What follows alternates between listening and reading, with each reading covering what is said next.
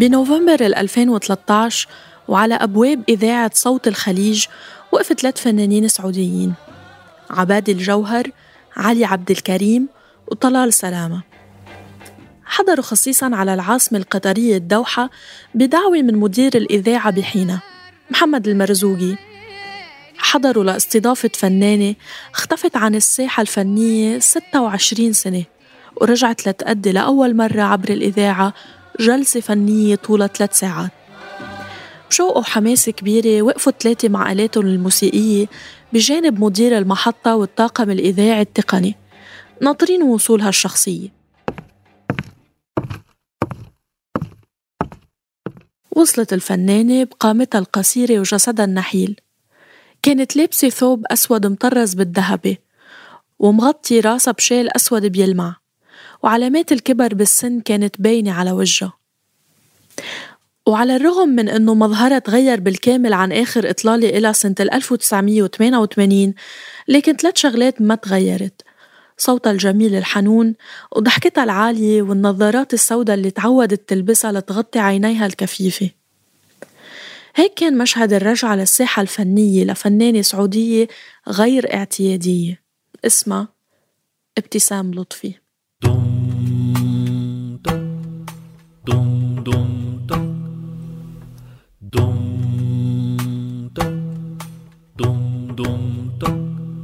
لما بدا يتثنى لما بدا يتثنى يا ليل يا ليل يا ليل. يا عين مرحبا فيكن ببودكاست دمتك.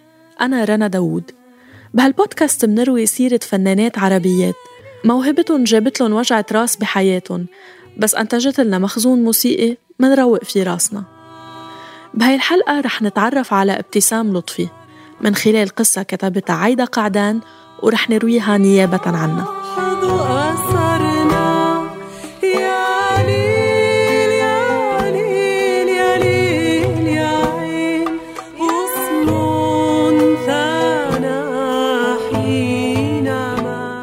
بطلة هالقصة من مواليد مدينة الطائف بالسعودية سنة 1951 كبرت تحت اسم خيرية قربان عبد الهادي وعاشت طفولتها بالكتاتيب. كانت تجود وترتل الآيات حتى أصابها مرض سبب لها العمى المزمن بسنة السبعة وخمسين اضطرت خيرية الطفلة تترك الكتاتيب وتضل بالبيت. محل ما كانت تدندن وتغني. بتقول بمقابلة إلها إنها لسه بتتذكر أول أغنية غنتها بوقتها وهي على بلد المحبوب لأم كلثوم. على بلدي المحبوب ودي زاد وجدي والبعد كويني. مع الوقت كملت خيرية تغني ونمت صوتها. هالصوت اللي قدر يعوضها عن الظلم اللي احتلت عيونها وبعث النور بحياة كل اللي بيسمعوها.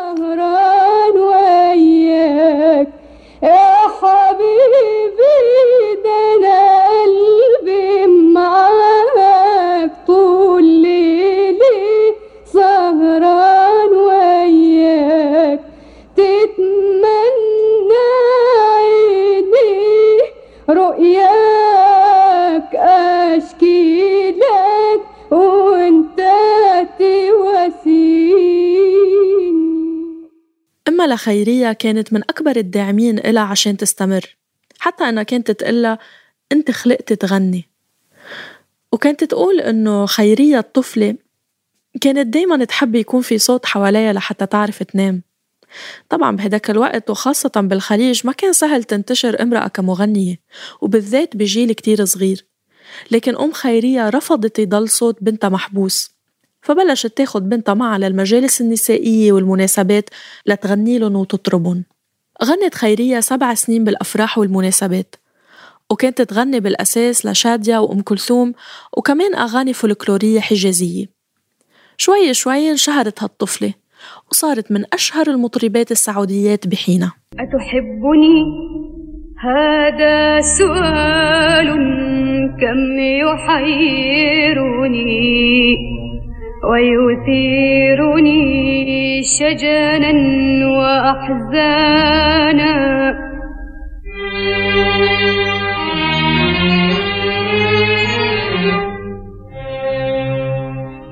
لما صار عمر خيرية 16 سنة راحت برفقة أمها وصبية مغنية تانية اسمها توحة لبيت أقارب توحة. اللي ما كانت تعرفه خيرية إنه بهيديك الليلة رح ينكتب لها مسار جديد بحياتها الفنية. دخلت توحة على السهرة كلها ثقة وخفة وخيرية وراها ما بتعرف مين بالحضور. كانت بس عم تتسمع على الأصوات. غنت توحة وغنت مع النساء الموجودات وبعد شوي ضمت خيرية صوتها للحاضرات بأغنية لأم كلثوم. ولما انتقلوا لأغنية لأسمهان جمعت خيرية ثقتها بنفسها وعلت صوتها وما ضل حدا بالحضور ما التفت للصوت المميز اللي صدح بالمجلس فجأة. نجحت خيرية صغيرة إنها تبهر الجميع. فطلبت منها توحة ترافقها تاني يوم لتحيي مناسبة خاصة. وكانت هالمناسبة بقصر الملك فيصل آل سعود بالطائف. طبعا خيرية رافقت توحة والصبيتين أحيوا المناسبة بجدارة.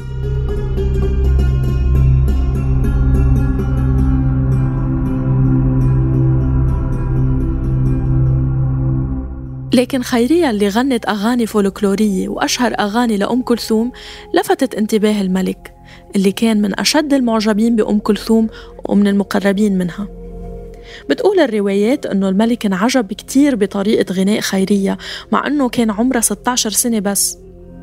السهرة ليلتها طولت كتير وضل الحضور يطلبوا من خيرية تغني أكتر وهي ما بخلت عليهم.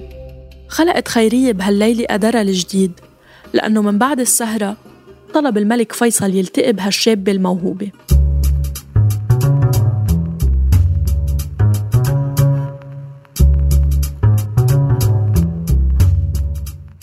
التقت خيرية الملك وخلال لقائها فيه سألها إيش بتتمني يا خيرية؟ قالت له أتمنى حاجة واحدة بس. قال لها أبشري أرض أو ما. ضحكت وقالت له لا يمكن غريبة أمنيتي. لكن أتمنى أكون أول صوت نسائي يغني في الإذاعة. استغرب الملك وما صدق اللي سمعه لكن خيرية أصرت على أمنيتها مرق شهرين على القصة وطول هالشهرين خيرية كانت بتعتقد إنه ما حيستجاب لطلبها. لكن بيوم بسنة 1968 وصل لخيرية خبر قبولها للإذاعة السعودية.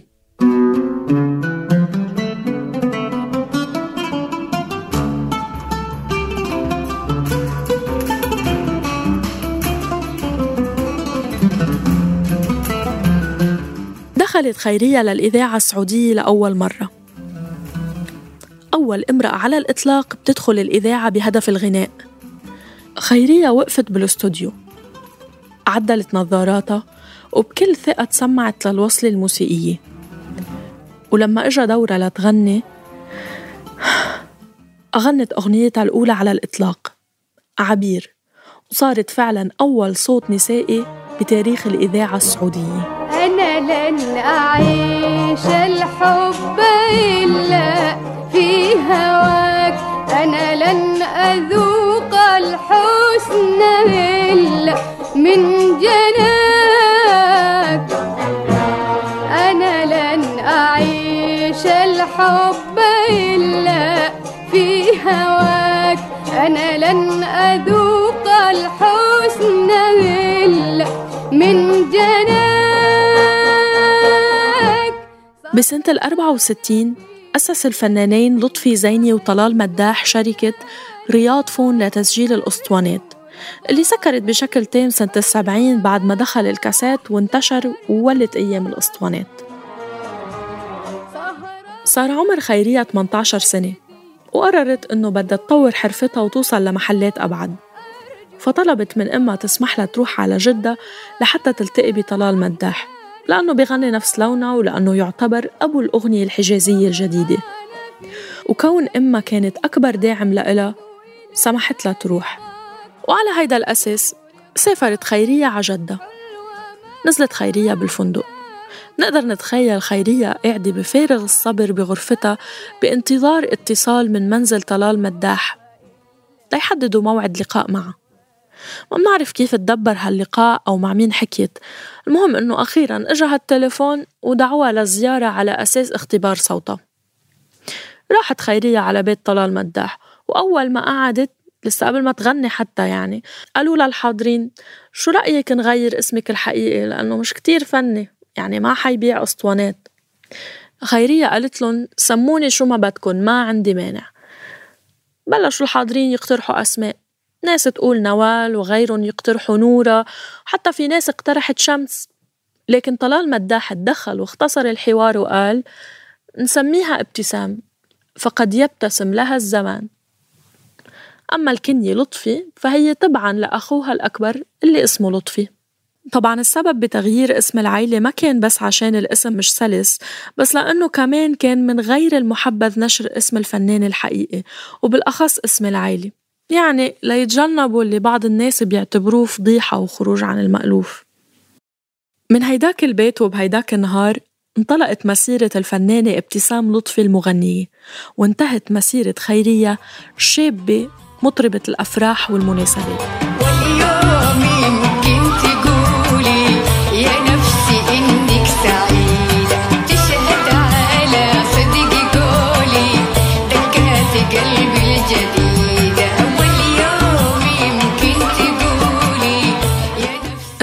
بالزمن لسنة 82 وتحديدا لمقابلة تلفزيونية مع ابتسام. بهالمقابلة بيكون صار مارق 13 سنة على عمرها الفني لخيرية أو لابتسام.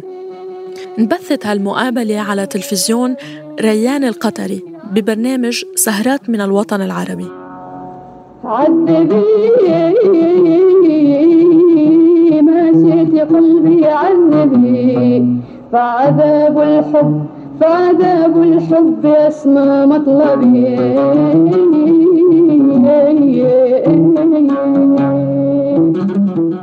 بتبلش المقابلة ب close up على إيدين بتعزف بخفة على العود وشوي شوي بتبعد عدسة الكاميرا بحركة zoom out منشوف ابتسام لطفي بفستان سهرة لميع من غير نظاراتها السود تصفيفة شعرها من الستينات. وكانت منسجمة بتقديم الأغنية.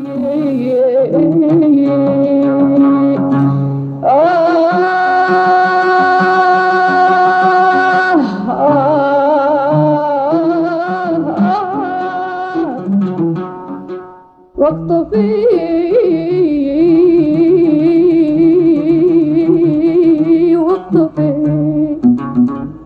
حبة قلبي حبة ثم ثم اعصريها واشربي. لا لا لا لا لا, لا.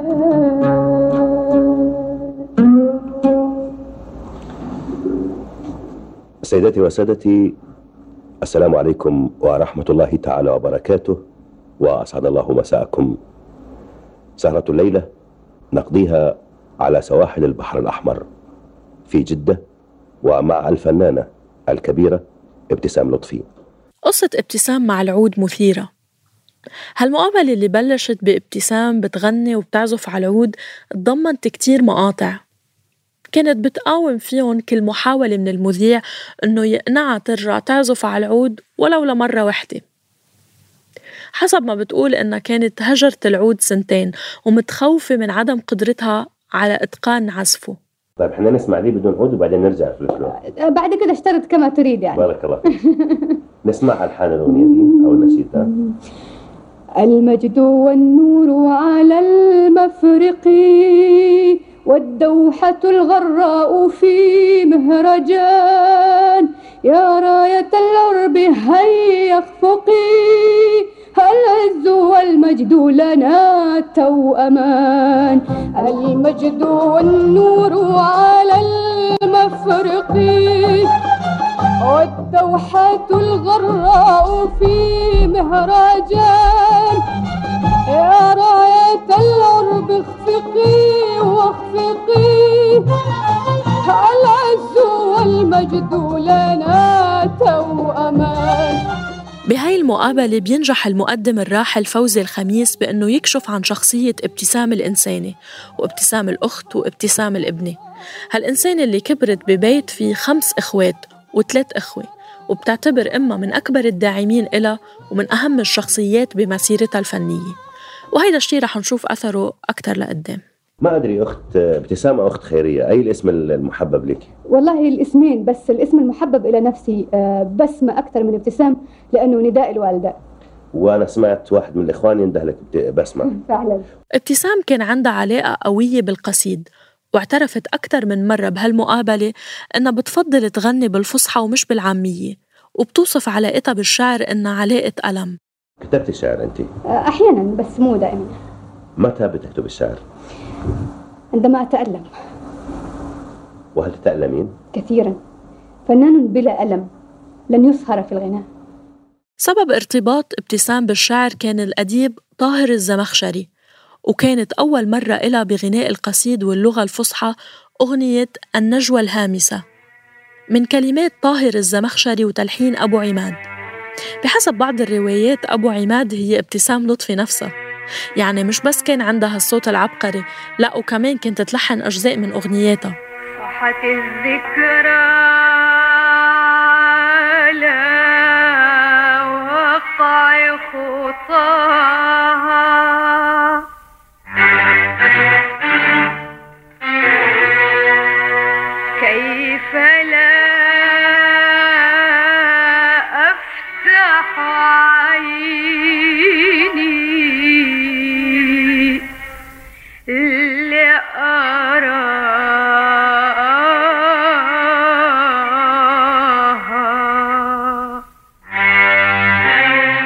نفس الأديب طاهر الزمخشري هو الشخص اللي رتب للقاء ابتسام بالملحن العريق رياض السنباطي ولهاللقاء قصة مثيرة جدا رح نسمعها لاحقا.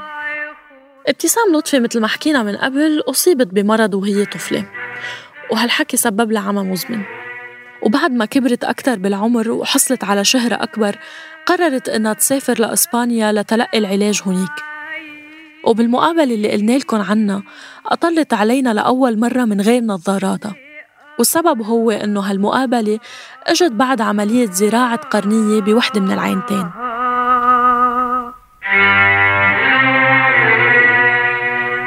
ورفيف القلب من فرحاته. ورفيف القلب من فرحاته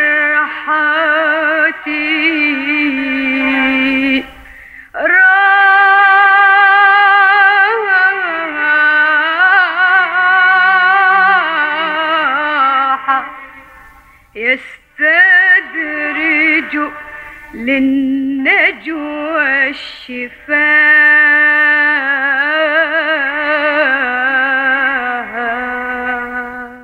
بسنين اختفائها عن الإعلام والساحة الفنية ما بنعرف شو صار معها بخصوص علاجها.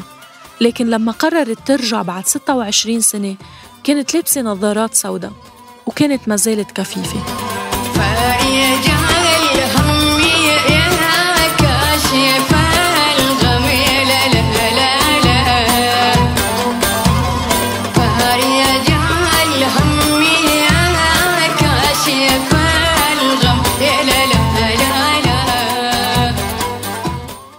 نقول إنه رحلتها على إسبانيا ما جابت نتيجة لأنه من كتر ترددها على إسبانيا مع أخوها الطالب الجامعي بحينا قدرت ابتسام تكتسب لغة جديدة لتغني فيها.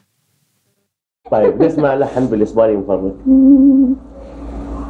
Me gustas mucho, me gustas mucho tú, y hacía tiempo, tardía temprano, serás mío, y al mío serás.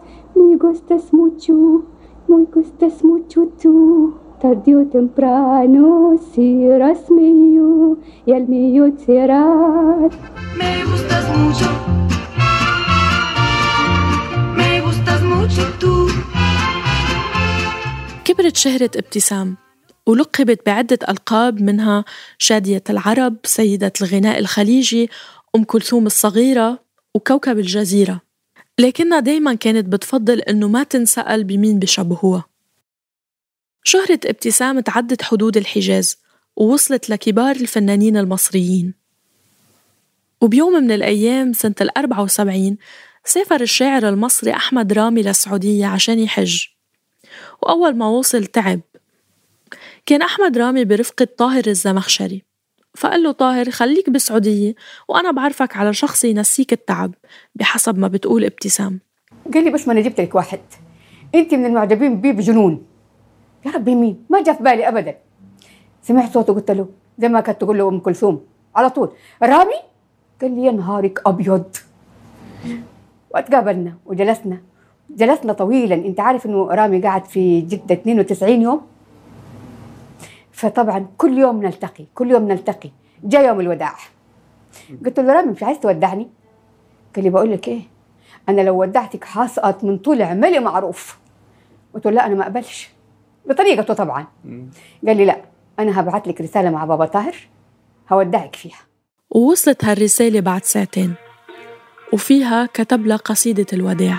ردك الله سالما لفؤادي.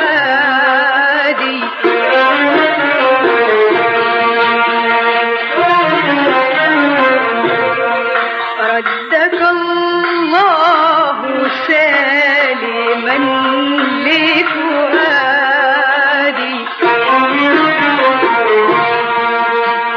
هالرسالة قرأتها ابتسام وحبت تلحنها كتير لكن ما حبت إنه يلحنها ملحن سعودي. لسبب ما. مرت الأيام وبيوم إجا اتصال لمنزل ابتسام من رئيس التلفزيون المصري حينها عبد الحميد يونس. دعاها للسفر للقاهرة والتسجيل بالتلفزيون المصري. بحسب الرواية اللي بترويها ابتسام بمقابلاتها العديدة مدير التلفزيون قبل وصول ابتسام للقاهرة تواصل مع رياض الصنباطي ليلحن لها أغاني رياض الصنباطي ما كان مصدق إنه بالسعودية في أصوات فكيف لو كان صوت نسائي كمان؟ طلب الصنباطي باللحن 7000 جنيه مصري بوقتها ومدير التلفزيون وافق على هالرقم وصلت كلمات شعر أحمد رامي للصنباطي لكن وبرغم إعجابه بهالكلمات ما كان متفائل بالصوت السعودي اللي رح يغنيها. لما جهز اللحن راح مدير التلفزيون والصنباطي على البيت اللي نزلت فيه ابتسام بالقاهرة ليحفظوا إياه. وابتسام على قولتها من كتر ما كانت مش مصدقة إنها رح تقابل الصنباطي شخصيا. طلبت أول شي إنها تتصور معه. راحت تركض تجيب الكاميرا. لكن قبل حتى ما تلحق تجيبها قال الصنباطي أنا ما بحبش أتصور مع حد. تاني يوم راحت ابتسام على الاستوديو وكان لسه الصنباطي متشائم كتير منها ومش متأكد من صوتها. ولهيك قال لها نحن عم نعمل بروفا إذا ما عجبني ما رح سجل. ابتسام ما كانت عارفة كيف ترد. لكنها اختارت ترد عليه بالبرود مع إنها كانت من أشد معجبينه. بالبروفا غنت ابتسام أول مرة تاني مرة. المرة الثالثة وقفها الصنباطي بنص الغنية. قال لها معلش يا ابتسام اسمحي لي أقول لك سامحيني أنا ظلمتك. ورفض إنه يتلقى أجر اللحن وقدم لها إياها هدية منه من مصر. وهاي كانت أول وآخر أغنية من تلحين رياض الصنباطي حسب ما منعرف وما عنا فكرة ليش. لكن هاي ما كانت آخر أغنية من كلمات أحمد رامي.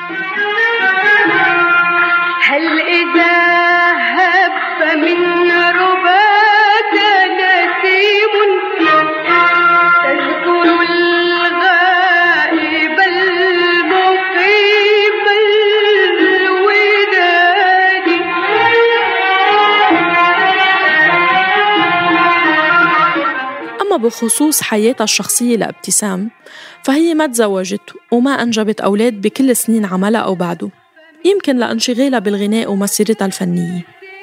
استمرت مسيرة ابتسام الفنية حتى سنة 88 وبهاي السنة صار حدث كتير كبير بحياتها اللي كان له وقع كبير بنفسها. عمرها ما رح تنساه. خسرت ابتسام الداعمة الأولى إلها بحياتها وجمهورها الأول وسندها الرئيس. خسرت أمها اللي دعمتها ووقفت معها ضد كل المعارضين وقدام كل العقبات اللي مرت بطريقها كمغنية امرأة سعودية. خسرت الست اللي كانت تناديها بسمة ووقتها توقفت ابتسام عن الغناء. وما منعرف إذا بس وفاة والدتها كان السبب وراء هالتوقف والاختفاء عن الساحة الفنية.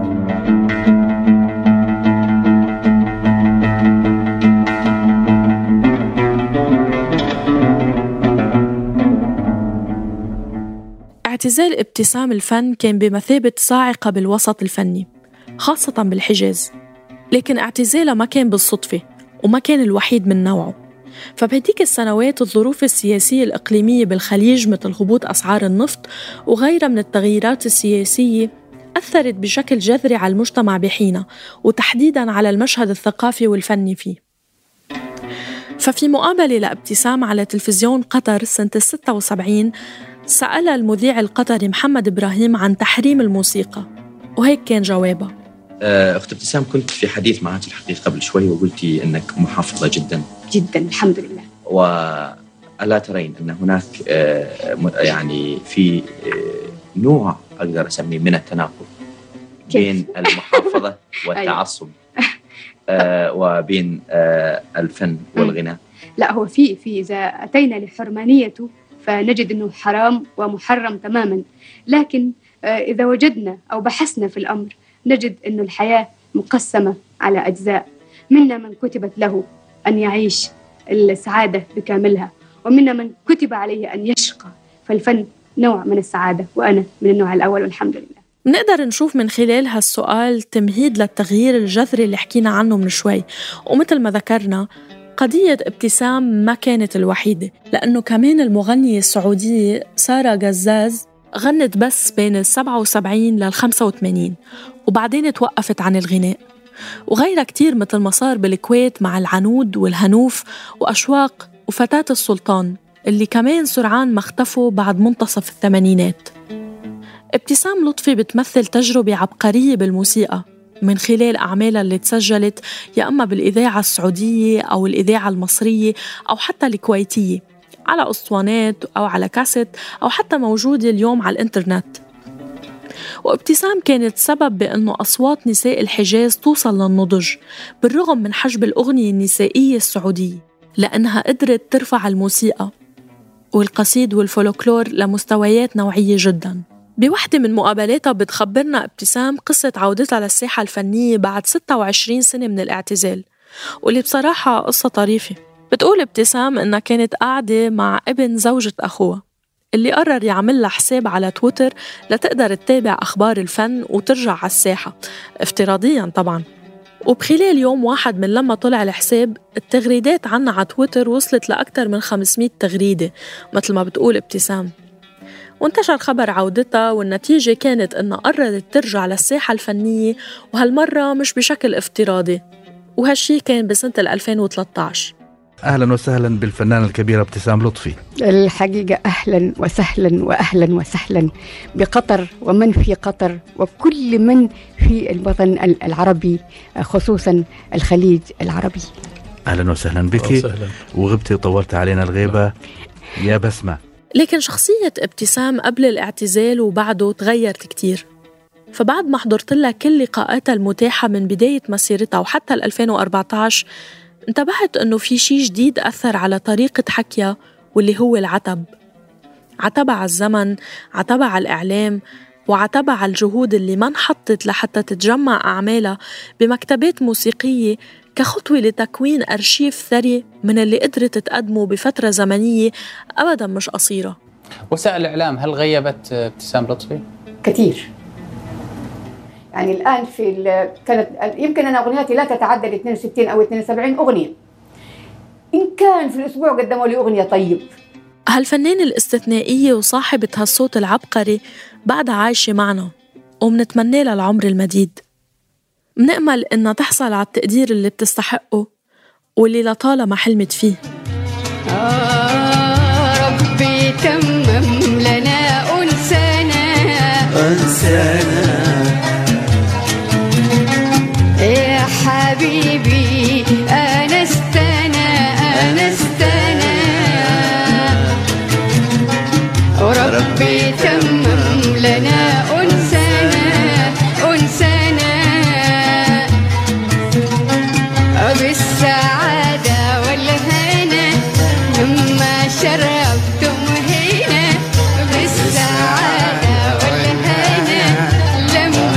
شرفتوا يا حبيبي.